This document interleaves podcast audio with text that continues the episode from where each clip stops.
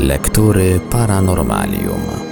W Radiu Paranormalium zapraszamy do spędzenia najbliższych kilkudziesięciu minut z trzecim tomem Księgi Tajemnic i Rzeczy Niezwykłych, wydanym w 1993 roku. Wyborem i opracowaniem historii, które znalazły się w tej książce, zajął się Thomas Decin. Książka, którą z czystym sumieniem można polecić fascynatom tematyki paranormalnej oraz odbiorcom wychowanym na serialu z Archiwum X. Jest to jedna z tych pozycji literackich, które przenoszą nas w inny wymiar. Do światów równoległych, opowiadając o zjawiskach i zdarzeniach, które często zajmują miejsce na półce z napisem trudne do wyjaśnienia. Książkę tę na naszej antenie prezentujemy w odcinkach w całości. Zapraszamy do słuchania.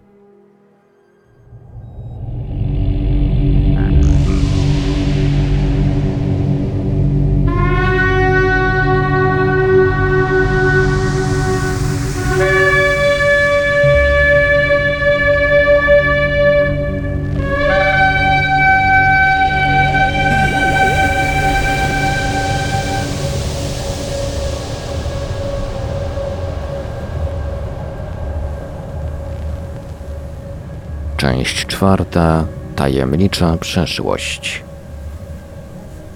Atlantyda raz jeszcze.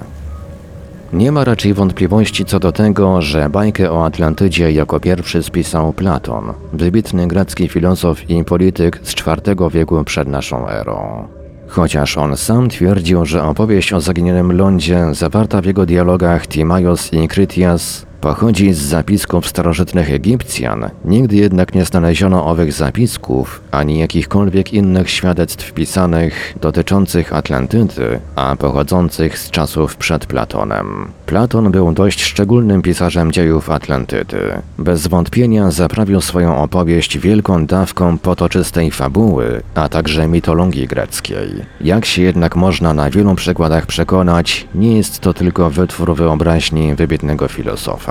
Atlantyda powstała, stwierdza Platon, kiedy bogowie podzielili między siebie poszczególne części naszego świata. Posejdon, grecki bóg morza, podziemi, wulkanów i trzęsień ziemi, otrzymał Atlantydę. Został on, jak powiada platońskie podanie, kochankiem pewnej ludzkiej niewiasty imieniem Kleita. Aby nie skrzywdzili jej inni śmiertelnicy, Bóg otoczył wzgórze, na którym mieszkała, pierścieniem wałów ziemnych i fos. Posejdon i Kleita wydali na świat dziesięcioro dzieci płci męskiej, między które podzielono Atlantydę. Najstarszym synem był Atlas, od którego Atlantyda wzięła swą nazwę. Jemu przypadło zwierzchnictwo nad braćmi.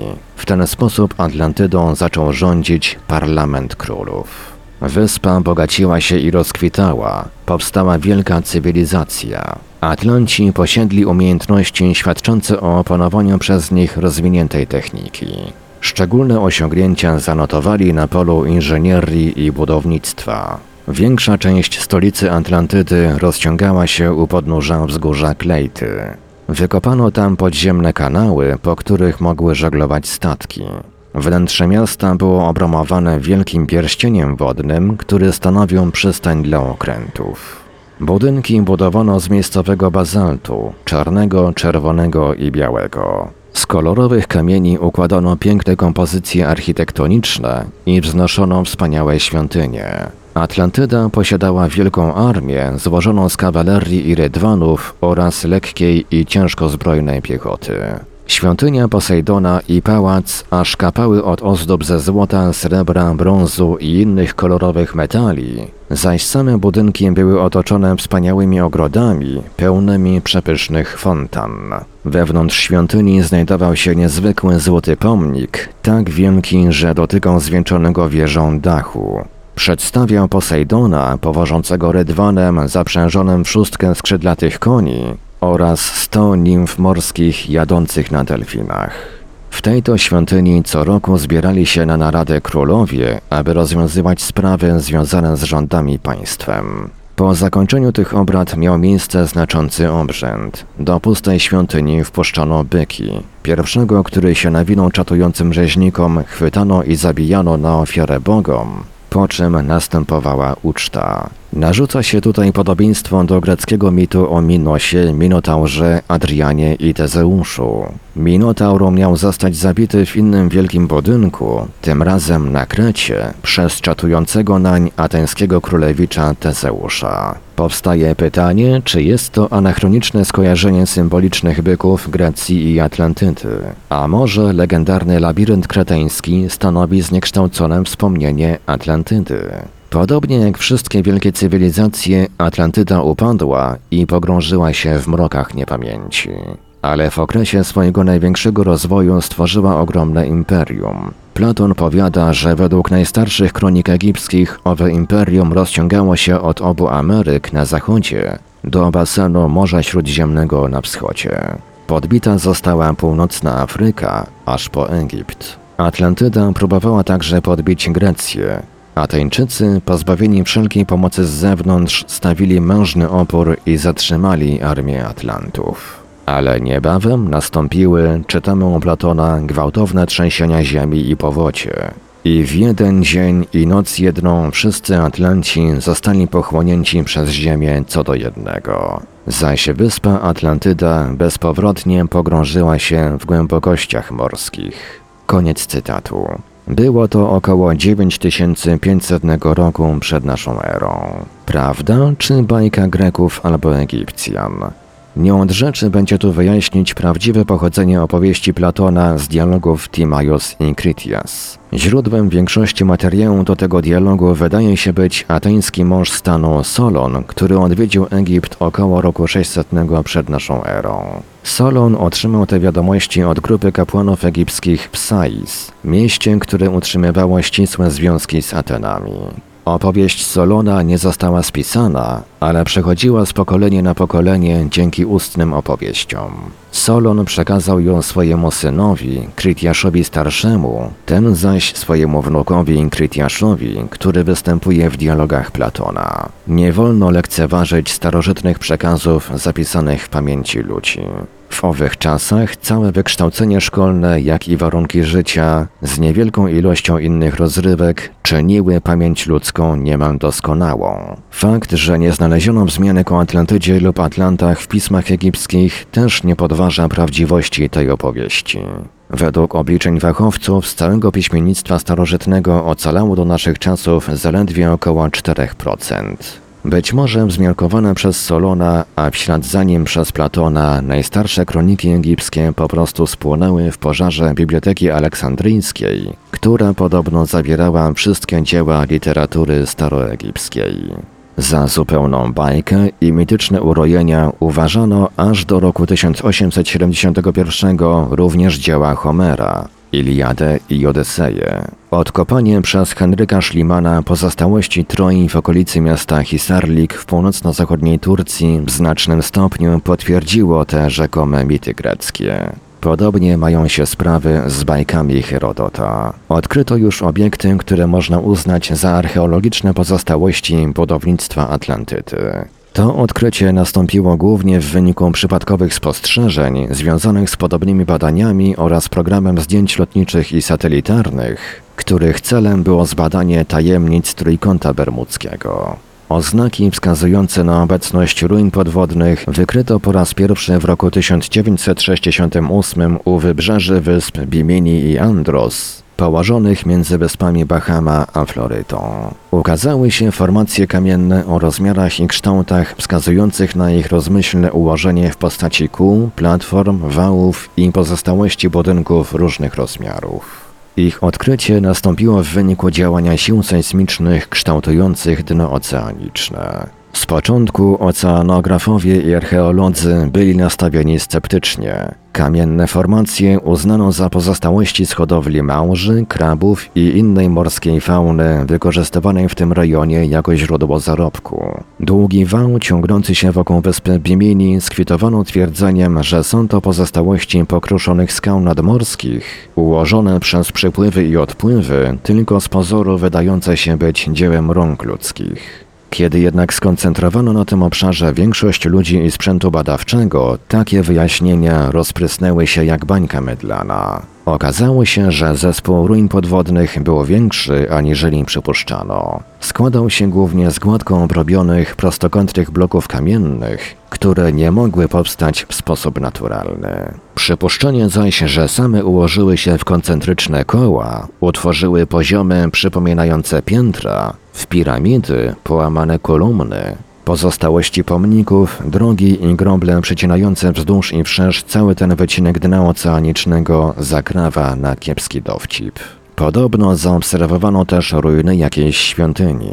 Ułamki posągów zaobserwowano na dnie morza w pobliżu Bermudów. Piloci małych łodzi podwodnych z tamtych okolic twierdzą, że bez wątpienia zdarzyło im się widzieć podwodne miasta. Podobne podwodne ruiny widziano też podobno w pobliżu Wysp Kanaryjskich, Azorów, u wybrzeży Hiszpanii i północnej Afryki, u północnych brzegów Kuby i wzdłuż szelfu kontynentalnego Ameryki Północnej. Obecność wałów kamiennych położonych na dnie morza zarejestrowano w pobliżu Wenezueli i półwyspu Yucatan.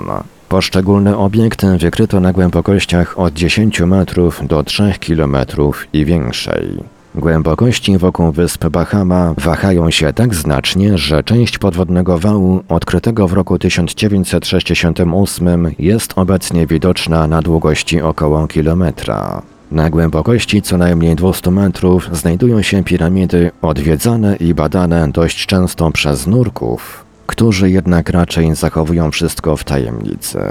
W tym samym rejonie znajdują się przecież liczne wraki zawierające złoto i inne cenne znaleziska. Na mocy ustawy wprowadzonej przez władze Bahamów wszelkie znaleziska podwodne mają zostać wyniesione na powierzchnię i umieszczone w specjalnie do tego celu zbudowanym muzeum we Freeport. Nieco później wyprawy podwodne przeszukujące te same wały i ruiny potwierdziły ich sztuczne pochodzenie. W miarę rozwoju badań podmorskich w tym rejonie coraz bardziej zwiększa się liczba wykrytych pozostałości prastarego budownictwa. Odpowiednio zaprojektowane batyskafy najprawdopodobniej zdołałyby zbadać te okolice w takim stopniu, aby można było odeprzeć wszystkie kontrargumenty zwolenników tezy o naturalnym pochodzeniu tych obiektów. Na zakończenie tego tematu warto dodać, że rozplanowanie obiektów odsłoniętych i odkrytych w 1968 roku ściśle pokrywa się z opisem rozplanowania stolicy Atlantów podanym w dziele Platona.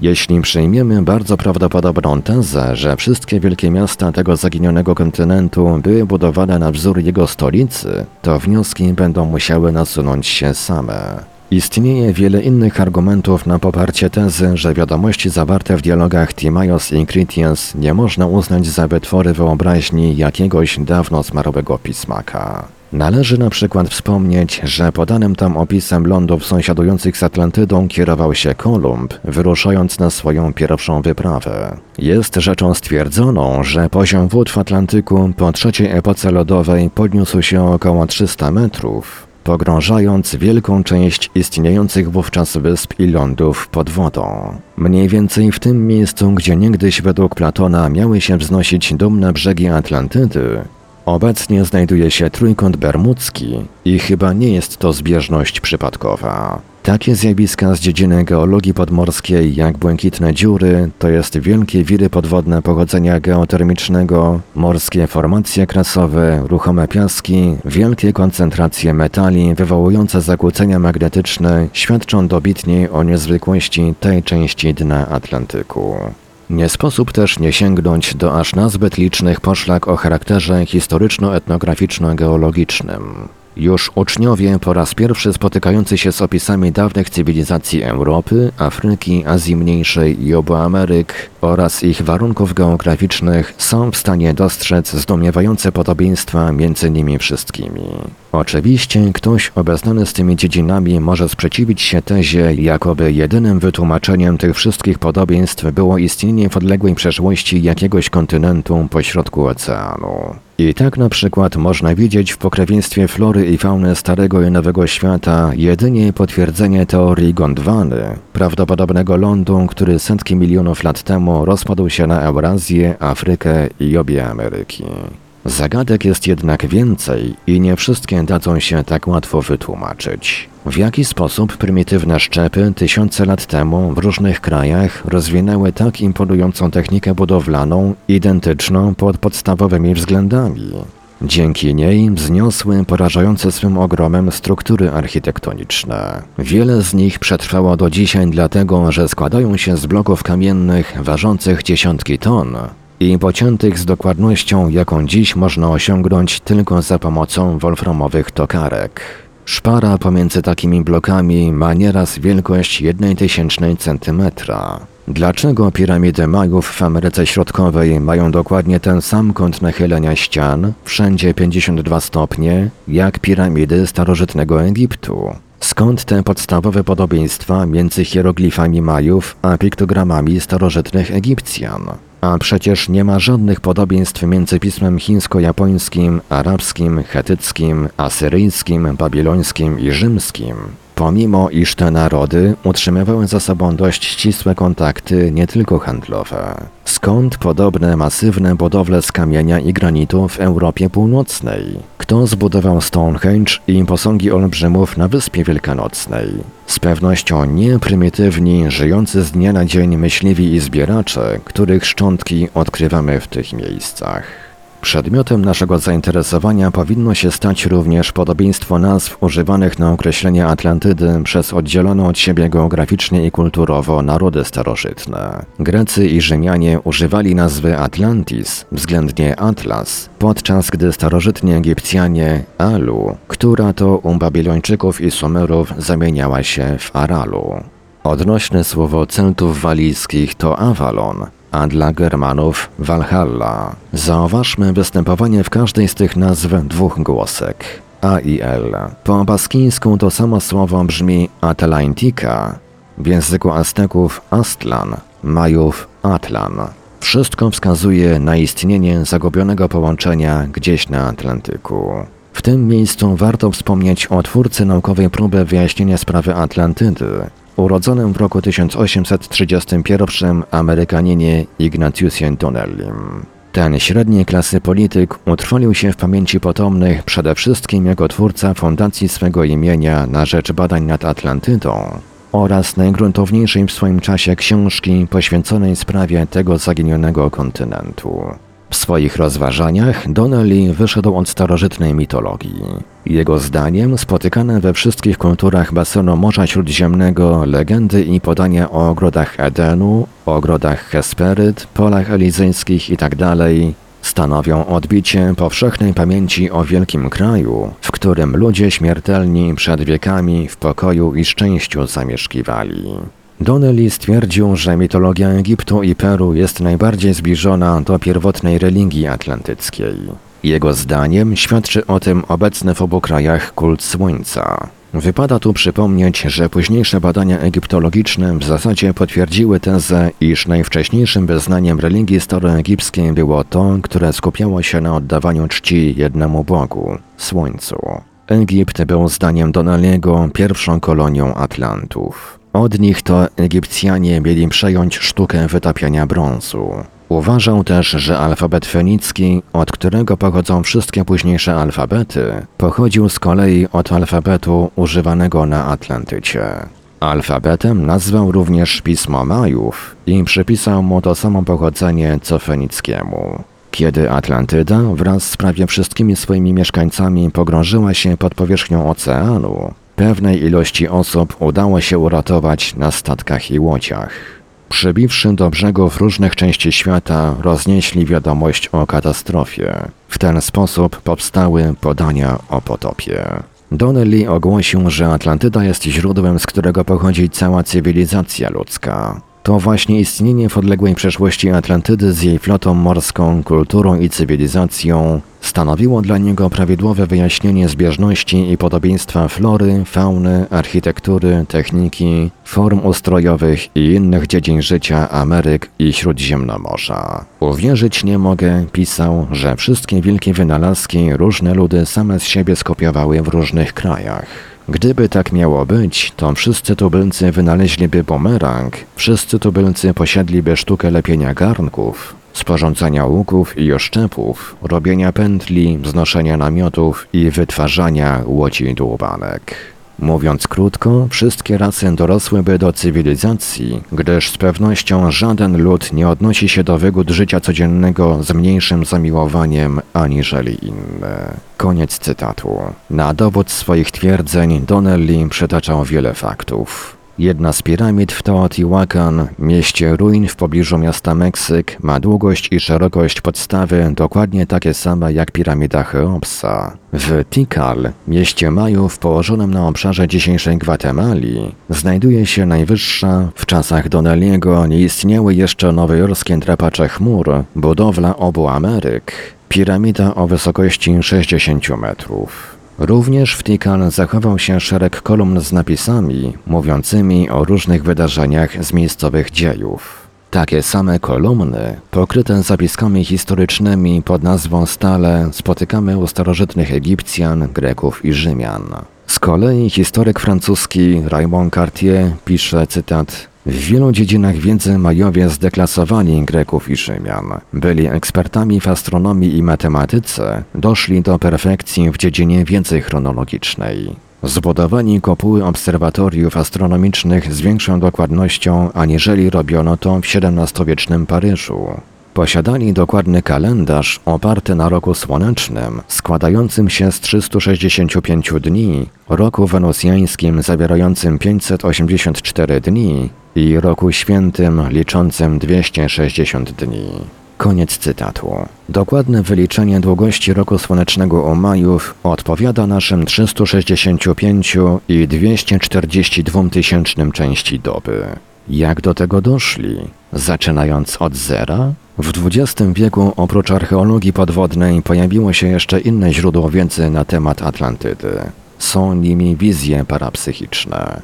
Jednym z najsławniejszych adeptów parapsychologii, który zajmował się wykrywaniem tajemnic przeszłości dzięki zdolnościom nadprzyrodzonym, był amerykański jasnowic i psychiatra Edgar Cayce. W swoich widzeniach opisywał Atlantydę przed i po wielkich trzęsieniach ziemi i powodziach. Podał szczegóły z dziedziny jej kultury, cywilizacji i techniki. Opisał w roku 1942 użycie przez Atlantów promieni laserowych. Stwierdził, że Atlanci byli tak rozwinięci technicznie, jak ludzie jemu współcześni. Stworzyli też i zagospodarowali fantastycznie zasobne źródła energii, być może atomowej, ale raczej magnetycznej. Ta właśnie energia ostatecznie zniszczyła ich kontynent. Zginęli wszyscy, oprócz tych, którzy przeżyli w Ameryce Południowej i wokół Morza Śródziemnego, przede wszystkim w Egipcie. Keynes przepowiedział, że zachodnia część Atlantydy, położona w pobliżu Bahamów, wyrośnie z morza około lat 1968-69. Jest to, na ile można sądzić, dokładnie to, co wydarzyło się w roku 1968. Pod wynurzeniem się z morza Keynes najpewniej rozumiał ukazanie się na skutek ruchów dna morskiego. Jak na dzisiaj zapewne nie ma dowodów na to, że Atlantyda wyrasta z morza. Keynes przepowiedział jednak wielkie wstrząsy dna Atlantyku w latach 1999-2009. W ich wyniku nie tylko oczom ludzkim ukaże się z powrotem Atlantyda, ale też część istniejących obecnie lądów zostanie pogrążona w falach morza. Ocean pochłonie m.in. Nowy Jork i inne wielkie miasta wschodniego wybrzeża Stanów Zjednoczonych. Zagładzie ulegną również wyspy japońskie.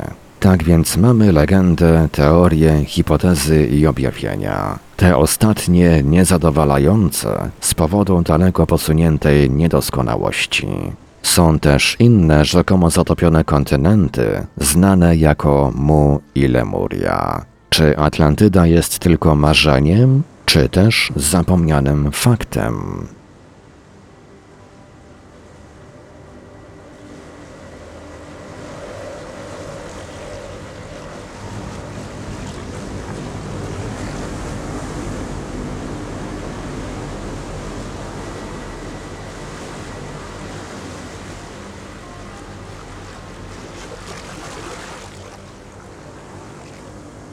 W Radiu Paranormalium zaprezentowaliśmy fragment książki Tomasa Dagina Księga Tajemnic 3. Dalszy ciąg w kolejnym odcinku Lektur Paranormalium. Archiwalne odcinki Lektur Paranormalium znajdziesz do pobrania w archiwum naszego radia na stronie www.paranormalium.pl.